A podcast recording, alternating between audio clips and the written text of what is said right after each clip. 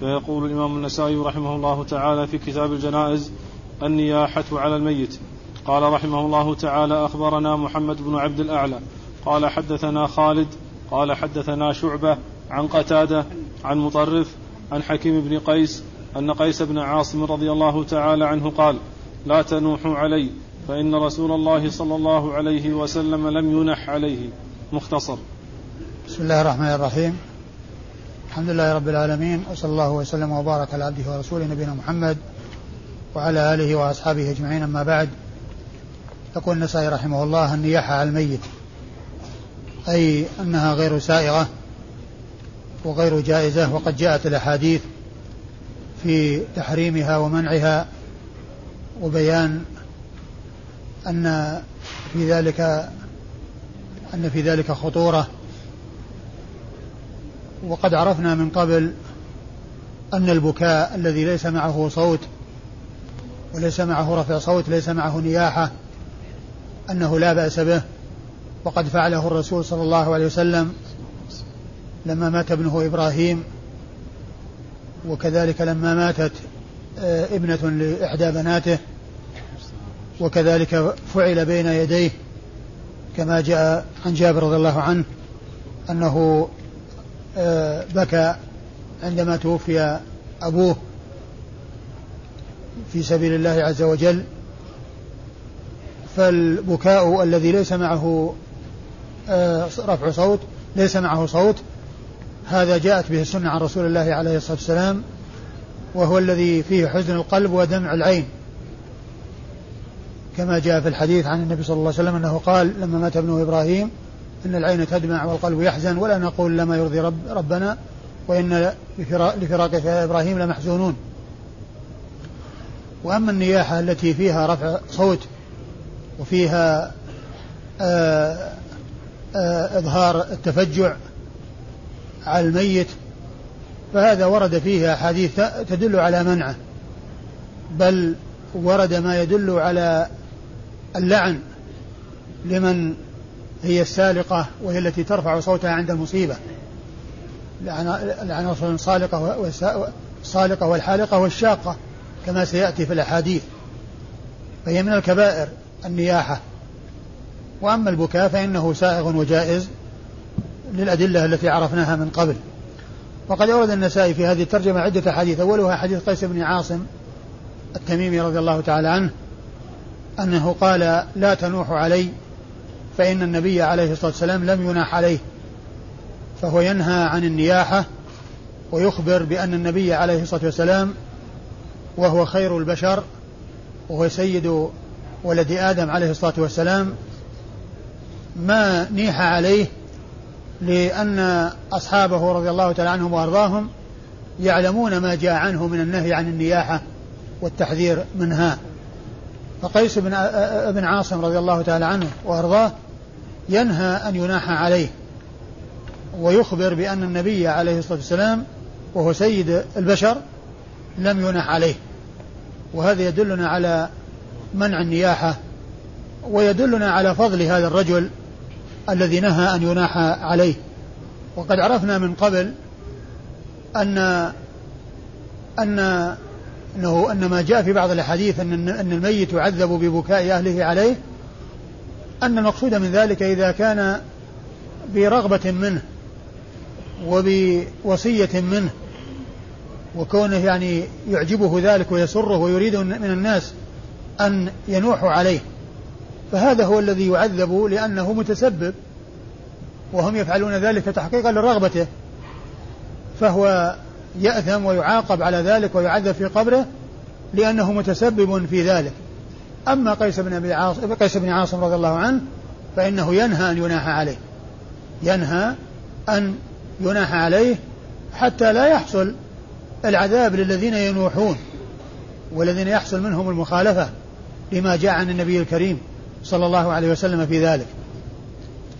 أما إسناد الحديث فيقول النسائي أخبرنا محمد بن عبد الأعلى. محمد بن عبد الأعلى هو البصري وهو ثقة أخرج له مسلم و أبو داود في القدر.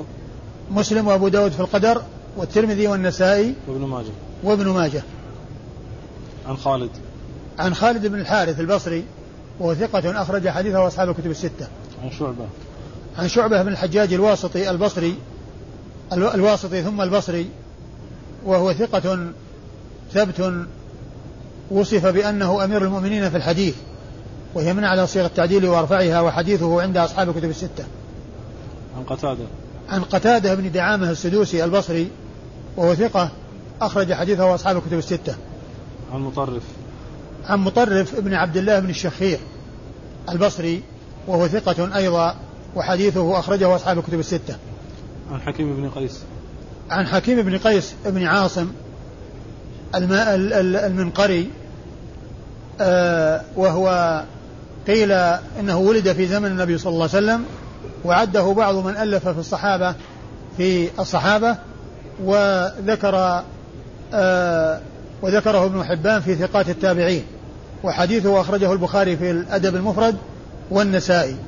يروي عن أبيه قيس بن عاصم يروي عن أبيه قيس بن عاصم بن سنان المنقري التميمي وهو صحابي مشهور بالحلم ومعروف بالفضل وهو الذي رثاه أحد الشعراء بأبيات منها البيت المشهور الذي يعتبر بمثابة حكمة ومثل يضرب في عظم منزلة الرجل وعلو شأنه وهو قول الشاعر يرثيه لما مات يقول وما كان قيس هله وما كان قيس هلكه هلك واحد ولكنه بنيان قوم تهدم.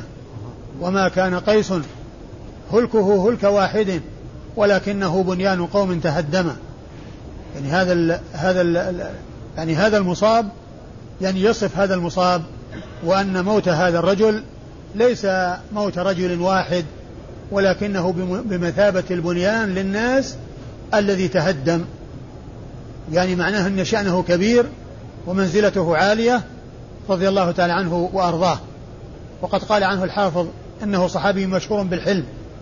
صحابي مشهور بالحلم. وحديثه أخرجه أبو داود والترمذي والنسائي أو أبو داود والنسائي أخرجه البخاري في الأدب. نعم البخاري في الأدب. أبو داود والترمذي والنسائي. البخاري في الأدب المفرد وأبو داود والترمذي والنسائي. وقال رحمه الله تعالى أخبرنا إسحاق قال حدثنا عبد الرزاق قال حدثنا معمر عن ثابت عن أنس رضي الله تعالى عنه أن رسول الله صلى الله عليه وسلم أخذ على النساء حين بايعهن ألا, ألا ينحن. فقلنا يا رسول الله إن نساء أسعدننا في الجاهلية أفنسعدهن؟ فقال رسول الله صلى الله عليه وسلم لا إسعاد في الإسلام. ثم أورد النبي أورد النسائي حديث من؟ من الصحابي؟ حديث أنس. حديث أنس بن مالك. أورد النسائي حديث أنس بن مالك رضي الله تعالى عنه وأرضاه. أن أن النبي عليه الصلاة والسلام لما بايع النساء كان في جملة ما بايعهن عليه ألا ينحن ألا تحصل منهن النياحة. وقد خصت النساء بذلك لأنهن اللاتي يغلب عليهن الجزع. ويختلفن عن الرجال في ذلك.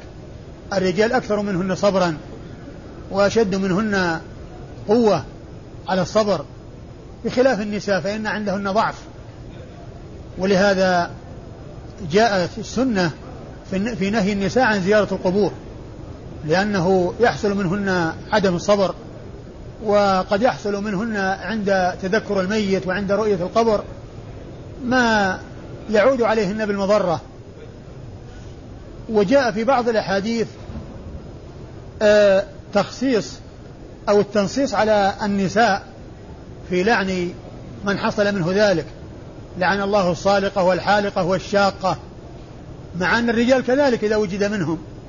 لكن لما كان الغالب أن مثل هذه الأمور تحصل من النساء لضعفهن وقلة صبرهن وعدم قدرتهن على ما يقدر عليه الرجال جاء التخصيص في آه، آه، تخصيصهن في بعض الأمور مثل كونهن عند البيعة ألا ينحن. مع أن الرجال ما كان معروف أنه يؤخذ عليهم هذا هذا هذا يعني عند البيعة أن لا يفعلوا كذا. لأن الرجال عندهم قدرة وعندهم صبر. بخلاف النساء لا يصبرن كما يصبر الرجال. لا يصبرن كما يصبر الرجال. فأخذ عليهن ألا ينحن. فلما أخذ عليهن ألا ينحن قال بعضهن إن النساء أسعدننا يعني معناه أننا حصل مصيبة وجئنا ونحن معنا يعني تضامنا معنا ويعني آآ آآ آآ مشاركة لنا في المصاب وإظهار الحزن على المصاب وهي أنهن نحن معنا. وكان عندهم في الجاهلية أن الواحدة إذا عملت هذا مع الأخرى ترد عليها. يعني ذلك إذا حصل لها مصيبة. يعني واحدة جاءت عند واحدة لما مات لها ميت وناحت معها تلك التي أتي إليها وشوركت في النياحة إذا مات التي جاءت إليها ميت هي جاءت ترد عليها ذلك الذي فعلته من قبل. فقال قالت إن النساء أسعدننا أفلا نسعدهن؟ يعني معناه أننا نكافئهن يعني حصل منهن أن نحن معنا وبكينا معنا أفلا نرد عليهن ذلك الذي فعلنه معنا بأن ننوح عليهن بأن نقضي ما حصل منهن لنا بأن نكافئهن عليه بمثله. فالنبي صلى الله عليه وسلم قال لا إسعاد في الإسلام. يعني معنى هذا الإسعاد الذي هو نياحة انتهى لا يفعل في الجاهلية ولا يقابل يعني ما حصل آه يعني في الجاهلية. فقال لا إسعاد في الإسلام لا إسعاد في الإسلام. يعني دل هذا على أن على منع ذلك وأن النياحة لا تجوز. آه والإسناد؟ أخبرنا إسحاق. أخبرنا إسحاق وهو ابن إبراهيم. إسحاق بن إبراهيم ابن ابن آه ابن مخلد آه المروزي. المشهور بابن راهوية وهو ثقة ثبت مجتهد وصف بأنه أمير المؤمنين في الحديث وهو محدث فقيه وحديثه أخرجه أصحاب الكتب الستة إلا ابن ماجه فإنه لم يخرج له شيئا. عن عبد الرزاق وهو ابن همام الصنعاني اليماني ثقة حافظ مصنف له كتاب المصنف في الحديث. من من آه من الكتب المشتملة على الآثار الكثيرة عن الصحابة وغير الصحابة على الأحاديث وعلى الآثار لكنه فيه الآثار الكثيرة عن الصحابة وغيرهم. وحديثه أخرجه أصحاب الكتب الستة. عن معمر. نعم. عن معمر بن راشد الأزدي البصري نزيل اليمن روى عنه عبد الرزاق وأكثر الرواية عنه. وحديثه أخرجه أصحاب الكتب الستة. عن ثابت عن أنس. عن ثابت بن أسلم البناني وهو ثقة أخرج له أصحاب الكتب الستة عن أنس بن مالك صاحب رسول الله صلى الله عليه وسلم وخادمه الذي خدمه عشر, عشر سنوات منذ قدم المدينة إلى إلى أن توفى الله نبيه محمدا عليه الصلاة والسلام وهو أحد السبعة المعروفين بكثرة الحديث عن رسول الله صلى الله عليه وسلم وهم أبو هريرة وابن عمر وابن عباس وأبو سعيد وجابر وأنس وأم المؤمنين عائشة رضي الله تعالى عن عن هؤلاء السبعة وعن الصحابة أجمعين. قال رحمه الله تعالى أخبرنا عمرو بن علي قال حدثنا يحيى قال حدثنا شعبة قال حدثنا قتادة عن سعيد بن المسيب عن ابن عمر رضي الله تعالى عنه عن عمر رضي الله تعالى عنه قال سمعت رسول الله صلى الله عليه وسلم يقول الميت يعذب في قبره بالنياحة عليه. ثم أورد النسائي حديث عمر بن الخطاب رضي الله عنه وهو قوله صلى الله عليه وسلم الميت يعذب في قبره بالنياحة عليه. الميت يعذب في قبره بالنياحة عليه.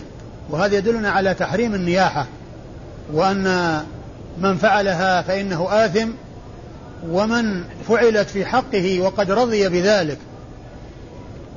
وعرف منه الرضا بذلك والرغبة بذلك والمحبة لذلك أو الوصية بذلك فإنه يأثم ويصله العذاب في قبره لتسببه. أما إذا كان لا يرغب ويكره ويمنع من ذلك مثل ما حصل من أبي قيس بن عاصم رضي الله عنه حيث قال لا تنوحوا علي فإن النبي صلى الله عليه وسلم لم ينح عليه فهذا لو نيح عليه لا يناله آه، شيء بسبب فعل النائحين. وإنما يناله العذاب في قبره ينال العذاب في القبر من حصل منه الرغبة والوصية وعرف منه محبة ذلك والتطلع إليه وأنه يرغب أن يحصل ذلك له فإنه إذا حصل ذلك فإنه يحصل له العذاب بتسببه. أما إذا لم يرضى فإنه ليس عليه شيء لأنه لا تزر وازنة وزر أخرى كما جاء في ذلك القرآن. أيوه. أخبرنا عمرو بن علي. أخبرنا عمرو بن علي هو الفلاس. وهو ثقة أخرج له أصحاب الكتب الستة وهو شيخ لأصحاب الكتب الستة. فهو عنه مباشرة بدون واسطة. عن يحيى. عن يحيى بن سعيد القطان وهو ثقة ثبت ناقد متكلم في الرجال جرحا وتعديلا وحديثه أخرجه أصحاب الكتب الستة. عن شعبة. عن شعبة وقد مر ذكره. عن قتادة. عن قتادة بن دعامة السدوسي البصري وهو ثقة أخرج حديثه أصحاب الكتب الستة. عن سعيد عن سعيد بن المسيب آه وهو أحد وهو ثقة فقيه أحد الفقهاء السبعة في المدينة في عصر التابعين وهو أحد السبعة باتفاق لأن السبعة ستة متفق على عدهم وواحد مختلف فيه وهو من السبعة الذين اتفق على عدهم في الفقهاء السبعة وحديثه أخرجه أصحاب الكتب الستة. عن ابن عمر عن عمر. عن ابن عمر عبد الله بن عمر بن الخطاب رضي الله تعالى عنهما وهو صحابي جليل وهو أحد العبادلة الأربعة من أصحاب رسول الله صلى الله عليه وسلم. وهم عبد الله بن عمر وعبد الله بن عباس وعبد الله بن الزبير وعبد الله بن عمرو بن العاص. وهو أحد السبعة المعروفين بكثرة الحديث عن النبي صلى الله عليه وسلم. وحديث و و و وقد أشرت إليهم آنفا. عن عمر رضي الله عنه عمر بن الخطاب أمير المؤمنين الخليفة الثاني من الخلفاء الراشدين الهادين المهديين وصاحب المناقب الجمة والفضائل الكثيرة وحديثه عند أصحاب الكتب الستة. قال رحمه الله تعالى أخبرنا إبراهيم بن يعقوب. قال حدثنا سعيد بن سليمان. قال أخبرنا هشيم. قال أخبرنا منصور هو ابن زاذان.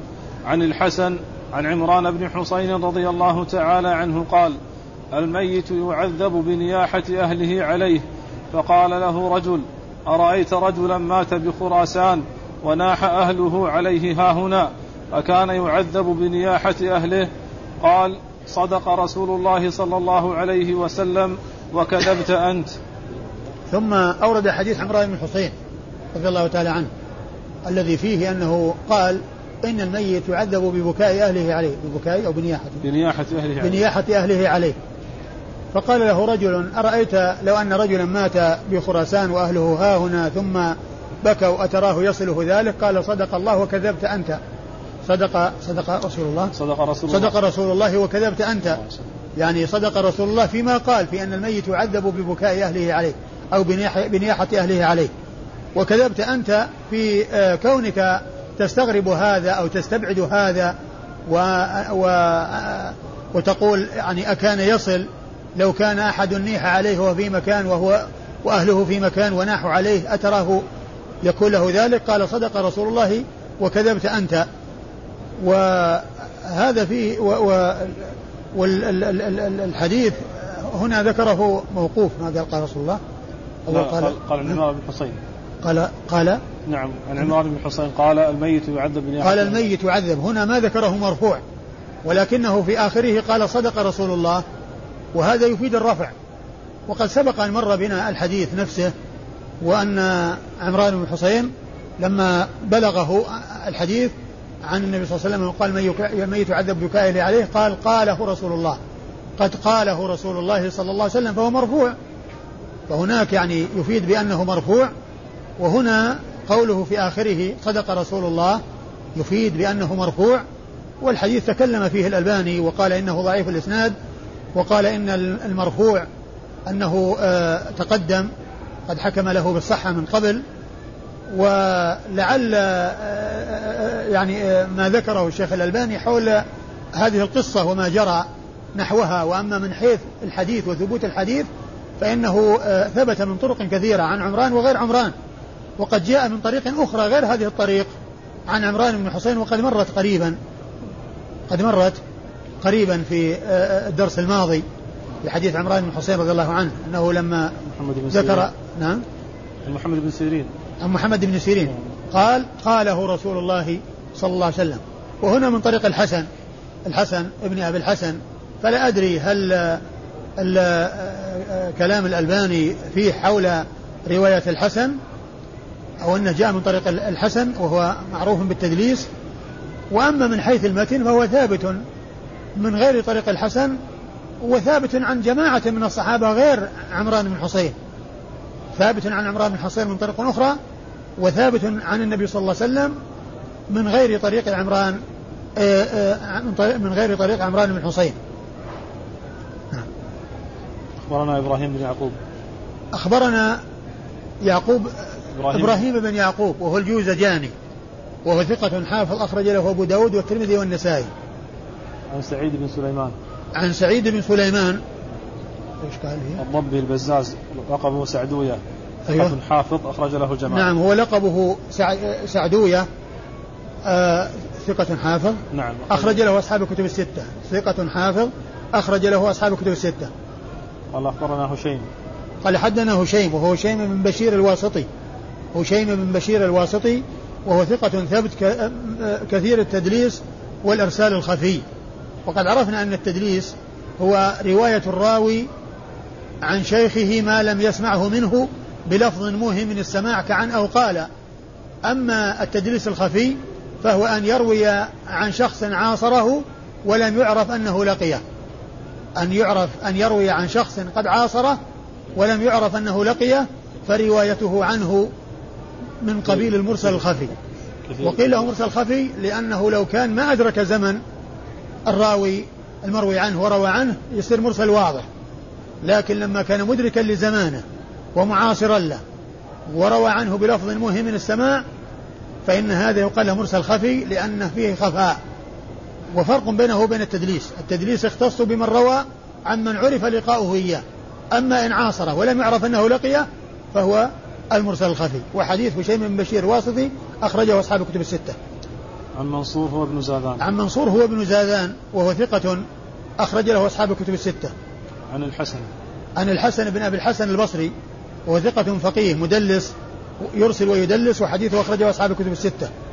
عن عمران بن حسين عن عمران بن حسين وأبو نجيد صحابي مشهور وحديثه أخرجه أصحاب الكتب الستة.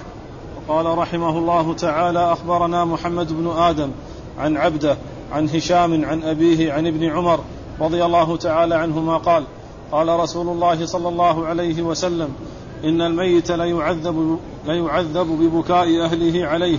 فذكر ذلك لعائشة رضي الله تعالى عنها فقالت وهل إنما مر النبي صلى الله عليه وسلم على قبر فقال إن صاحب هذا القبر ليعذب وإن أهله يبكون عليه.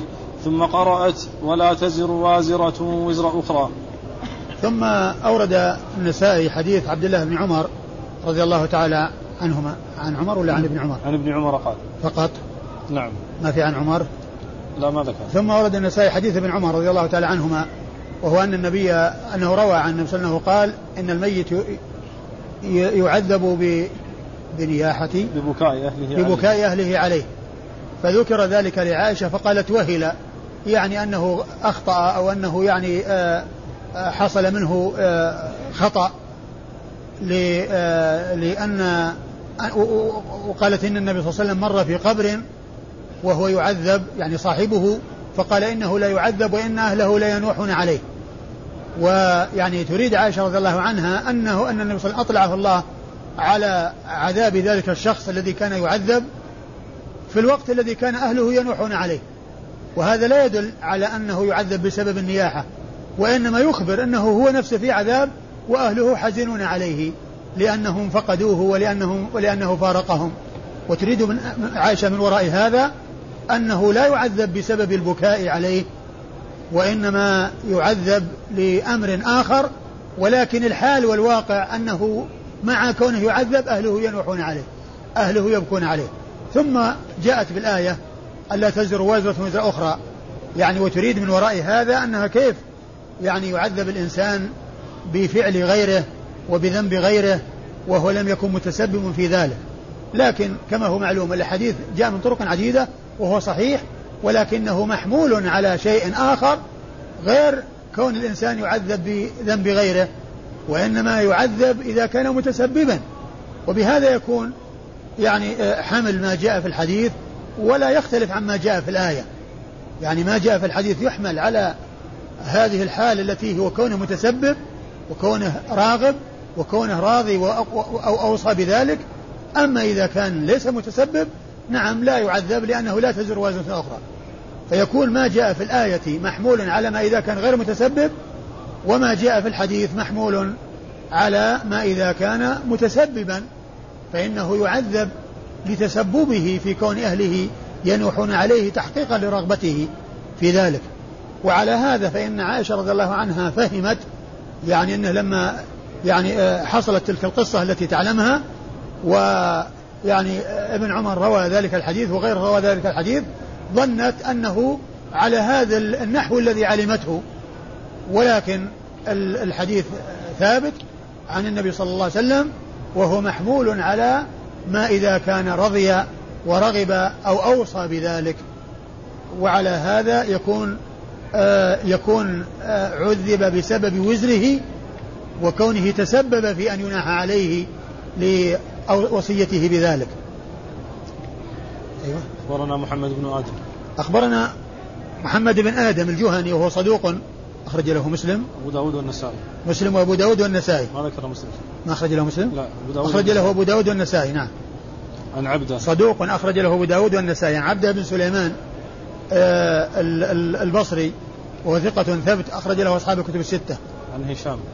عن هشام بن عروة ابن الزبير بن العوام وهو صدوق وهو ثقة ربما دلس وحديثه أخرجه أصحاب الكتب الستة. عن أبيه عروة بن الزبير بن العوام وهو ثقة فقيه من فقهاء المدينة السبعة في عصر التابعين وحديثه أخرجه أصحاب الكتب الستة. عن ابن عمر. عن ابن عمر رضي الله تعالى عنهما وقد مر ذكره وكذلك أيضا آه، عن عائشة يعني ما جاء عن عائشة آه، أو ما رواه عن عائشة مما قالته آه، وفهمته. وعائشة هي أم المؤمنين الصديقة بنت الصديق التي أنزل الله براءتها في آيات تتلى في سورة النور. وقد روت الحديث من الحديث الكثير الحديث الكثير عن رسول الله صلى الله عليه وسلم ولا سيما ما يتعلق في أمور البيت. وهي واحدة من سبعة أشخاص. عرفوا بكثرة, بكثرة الحديث عن النبي صلى الله عليه وسلم وقد مر ذكرهم. نعم. قال رحمه الله تعالى أخبرنا قتيبة عن مالك بن أنس عن عبد الله بن أبي بكر عن أبيه عن عمرة أنها, أنها أخبرته أنها سمعت عائشة رضي الله تعالى عنها وذكر لها أن عبد الله بن عمر رضي الله تعالى عنهما يقول إن الميت ليعذب ببكاء الحي عليه قالت عائشة رضي الله تعالى عنها يغفر الله لأبي عبد الرحمن أما إنه لم يكذب ولكن نسي أو أخطأ. إنما مر رسول الله صلى الله عليه وسلم على يهودية يبكى عليها فقال إنهم ليبكون عليها وإنها لتعذب.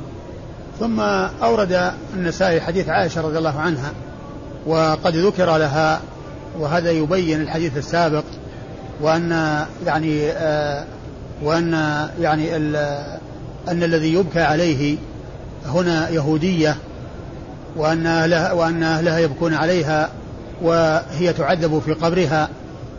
فلما بلغها حديث عبد الله بن عمر آه أن أن الميت يعذب ببكاء أهله عليه قالت يغفر الله لأبي عبد الرحمن أخطأ أو نسي. إنما مر النبي صلى الله عليه وسلم بيهودية وهي تعذب في قبرها فقال إنها لتعذب وأهلها يبكون عليها. يعني أهلها حزن عليها وهي كافرة. يعني تعذب في قبرها كما يعذب الكفار في قبورهم. كما قال الله عز وجل النار يعرضون عليها غدوا وعشيا ويوم تقوم الساعة أدخلوا آل فرعون آل فرعون أشد العذاب. فالكفار يعذبون في قبورهم. وكذلك من شاء الله تعذيبه من من من من, من, أصحاب الكبائر فإنه يعذب في قبره مثل ما مر مثل ما جاء في حديث صاحبي القبرين. اللذين يعذبان أحدهما في, في, النميمة والثاني في كونه لا يستبرئ من البول. فعائشة رضي الله عنها وأرضاها يعني تروي هذا الحديث وأن النبي صلى الله عليه وسلم قال ذلك لكن الذي جاء عن عن عمر وعن عن عمران بن حسين وعن ابن عمر وعن غيرهم أن الميت يعذب ببكاء أهله عليه وذلك محمول على ما إذا رضي به ورغب به وأوصى به. نعم. أخبرنا قتيبة. أخبرنا قتيبة بن سعيد بن جميل بن طريف البغلاني ثقة ثبت أخرج له أصحاب الكتب الستة. عن مالك بن أنس. عن مالك بن أنس إمام دار الهجرة المحدث الفقيه وحديثه أخرجه أصحاب الكتب الستة. عن عبد الله بن أبي بكر. عبد الله بن أبي بكر بن محمد بن عمرو بن حزم المدني وهو ثقة أخرج حديثه أصحاب الكتب الستة. يروي عن أبيه أبي بكر بن محمد بن عمرو بن حزم وهو أيضا ثقة أخرج له أصحاب الكتب الستة. عن عمرة بنت عبد الرحمن الأنصارية ثقة أخرج حديثها أصحاب الكتب الستة وقد أكثرت من الرواية عن عائشة وهي هنا تروي عن عائشة وقد مر ذكرها. قال رحمه الله تعالى أخبرنا عبد الجبار بن العلاء بن عبد الجبار عن سفيان قال قصه لنا عمرو بن دينار. قال سمعت ابن أبي مليكة يقول قال ابن عباس رضي الله تعالى عنهما قالت عائشة رضي الله تعالى عنها إنما قال رسول الله صلى الله عليه وسلم إن الله عز وجل يزيد الكافر يزيد الكافر عذابا ببعض بكاء أهله عليه. ثم ورد النسائي حديث ابن عباس عن عائشة أن أن النبي صلى الله عليه وسلم إنما قال إن الله يزيد الكافر آه، عذابا ببكاء أهله عليه. إن الله يزيد الكافر عذابا ببكاء أهله عليه. وهو معذب وأهل للعذاب لكفره. ولكن هذا يعني آه، كما جاء عن عائشة أنه يزاد في عذابه ببكاء أهله عليه. ومن المعلوم أن الكافر إذا عذب في النار فهو عذاب والعياذ بالله. يعني ولو كان عذابه يعني من أخف أهل النار عذابا فإنه يعتبر نفسه أشد أهل النار عذابا والعياذ بالله. كما جاء في حق أبي طالب أن الرسول صلى الله عليه وسلم لما شفع له خفف عنه العذاب فصار في ضحضاح من نار عليه نعلان من نار يغلي منهما دماغه. عليه نعلان من نار يغلي منهما دماغه. فما دام أن العذاب حاصل له و يعني إذا زيد في عذابه وحصل زيادة في العذاب هو في عذاب. وأقل شيء في العذاب صاحبه يعتبر نفسه أنه هو في أشد العذاب وأنه ليس هناك أحد أشد عذابا منه. كيف والشخص عليه نعلان من نار ومن شدة حرارتهما وهما في أسفله يغلي منهما أعلاه وهو دماغه. من شدة حرارة النعلين في رجليه يغلي دماغه منه منهما والعياذ بالله. والإسناد؟ أخبرنا عبد الجبار بن العلاء بن عبد أخبرنا عبد الجبار بن بن عبد العلاء. ابن العلاء. ابن ابن العلاء بن عبد الجبار وهو المروزي البصري. وهو البصري وهو لا بأس به. أخرج حديثه مسلم والترمذي والنسائي. مسلم والترمذي والنسائي. عن سفيان. ولا بأس به معناها صدوق. نعم. عن سفيان. عن سفيان وهو بن عيينة الهلالي المكي وهو ثقة حجة إمام فقيه. أخرج حديثه أصحاب الكتب الستة. قال قصه لنا عمرو بن دينار. قال قصه لنا عمرو بن دينار يعني الحديث. عمرو بن دينار المكي وهو ثقة ثابت أخرج حديثه أصحاب الكتب الستة. قال سمعت ابن أبي مليكة. سمعت ابن أبي مليكة وهو عبد الله بن عبيد الله بن أبي مليكة المدني وهو ثقة فقيه أخرج حديثه أصحاب الكتب الستة. يقول قال ابن عباس. عن ابن عباس آه ابن آه عبد الله بن عباس بن عبد المطلب ابن عم رسول الله صلى الله عليه وسلم وأحد العبادة الأربعة وأحد السبعة المعروفين بكثرة الحديث عن النبي صلى الله عليه وسلم و عن عائشة. عن عائشة وقد مر ذكرها. نعم. قال رحمه الله تعالى أخبرنا سليمان بن منصور البلخي قال حدثنا عبد الجبار بن الورد قال سمعت ابن أبي مليكة يقول لما هلكت أم أبان حضرت مع الناس فجلست بين عبد الله بن عمر وابن عباس فبكينا النساء فقال ابن عمر ألا تنهى هؤلاء عن البكاء؟ فإني سمعت رسول الله صلى الله عليه وسلم يقول إن الميت ليعذب ببعض بكاء أهله عليه فقال ابن عباس رضي الله تعالى عنهما قد كان عمر يقول قد كان عمر رضي الله تعالى عنه يقول بعض ذلك خرجت مع عمر حتى إذا كنا بالبيداء رأى ركبا تحت شجرة فقال انظر من الركب فذهبت فإذا صهيب وأهله فرجعت إليه فقلت يا أمير المؤمنين هذا صهيب وأهله فقال علي بصهيب فلما دخلنا المدينة أصيب عمر فجلس صهيب يبكي عنده يقول واخياه واخياه فقال عمر رضي الله تعالى عنه يا صهيب لا تبكي فإني سمعت رسول الله صلى الله عليه وسلم يقول إن الميت ليعذب ببعض بكاء أهله عليه. قال فذكرت ذلك لعائشة رضي الله تعالى عنها فقالت أما والله ما تحدثون هذا الحديث عن كاذبين عن كاذبين مكذبين ولكن ولكن السمع يخطئ وإن لكم في القرآن لما يشفيكم ألا تزر وازرة وزر أخرى. ولكن رسول الله صلى الله عليه وسلم قال إن الله ليزيد الكافر عذابا ببكاء أهله عليه. ثم ورد النسائي حديث ابن عباس رضي الله تعالى عنهما عن عائشة وعن ابن عمر وعن وعن وكذلك عن عمر رضي الله تعالى عنه وأن ابن عباس رضي الله عنه قال كان يعني عمر يقول بعض ذلك ثم ذكر قصة صهيب وأنه لما آه، وصلوا المدينة أصيب عمر يعني لما طعنه المجوسي تلك الطعنة فجعل صهيب يبكي ويقول و وأخياه ثم أو يا أخياه وأخياه. وأخياه إيش بعدها؟ ثم قال عمر لا تبكي. لا تبكي فإني نعم قال يا صهيب لا تبكي فإني سمعت رسول الله صلى الله عليه وسلم يقول إن الميت لا يعذب ببعض بكاء أهله عليه. إن الميت لا يعذب ببعض بكاء أهله عليه. لا يعذب ببعض بكائه لا يعذب ببعض بكاء أهله عليه. ويعني هذا يرويه آه يرويه عبد الله بن عباس عن عمر رضي الله تعالى عنه وكان يقوله لصهيب لما بكى ثم قال ذكر ذلك لعائشة أو فذكرت ذلك لعائشة. يقول لا تبكي فإني سمعت رسول يقول إن الميت يعذب فذكرت ذلك لعائشة. فذكرت ذلك لعائشة يعني ما قاله عمر فقالت إنكم لا تحدثون عن كاذبين مكذبين ولكن السمع يخطئ وأن الرسول صلى الله عليه وسلم قال إن الميت لا إن الكافر لا يزاد عذابا وإن لكم في القرآن. ها؟ وإن لكم في القرآن لما يشفيكم. وإن لكم في القرآن لما يشفيكم ألا تزر وازرة وزر أخرى. وإنما قال النبي صلى الله عليه وسلم إن الكافر لا يزاد عذابا ببعض بكاء أهله عليه. وهذا هو الذي مر في الإسناد الذي قبل هذا أن النبي صلى الله عليه وسلم إنما قال إن الكافر يزاد عذابا ببعض بكاء أهله عليه. لكن عرفنا كما عرفنا من قبل لكن كما عرفنا من قبل ما جاء عن عائشة لا يعارض ما جاء عن الصحابة الآخرين و و و وما قالته عائشة إن في القرآن لكم ما يكفيكم أو ما يشفيكم آه لا يعارض ما جاء في القرآن عما جاء عن الصحابة الآخرين رافعين ذلك إلى رسول الله صلى الله عليه وسلم لأن لأن الذين يعذبون يعذبون إذا كانوا مسلمين متسببين في ذلك. أما إذا كانوا غير متسببين فإنه لا يضرهم وزر غيرهم وإنما الوزر إثمه على من حصل منه. أيوة. أخبرنا سليمان بن منصور البلخي.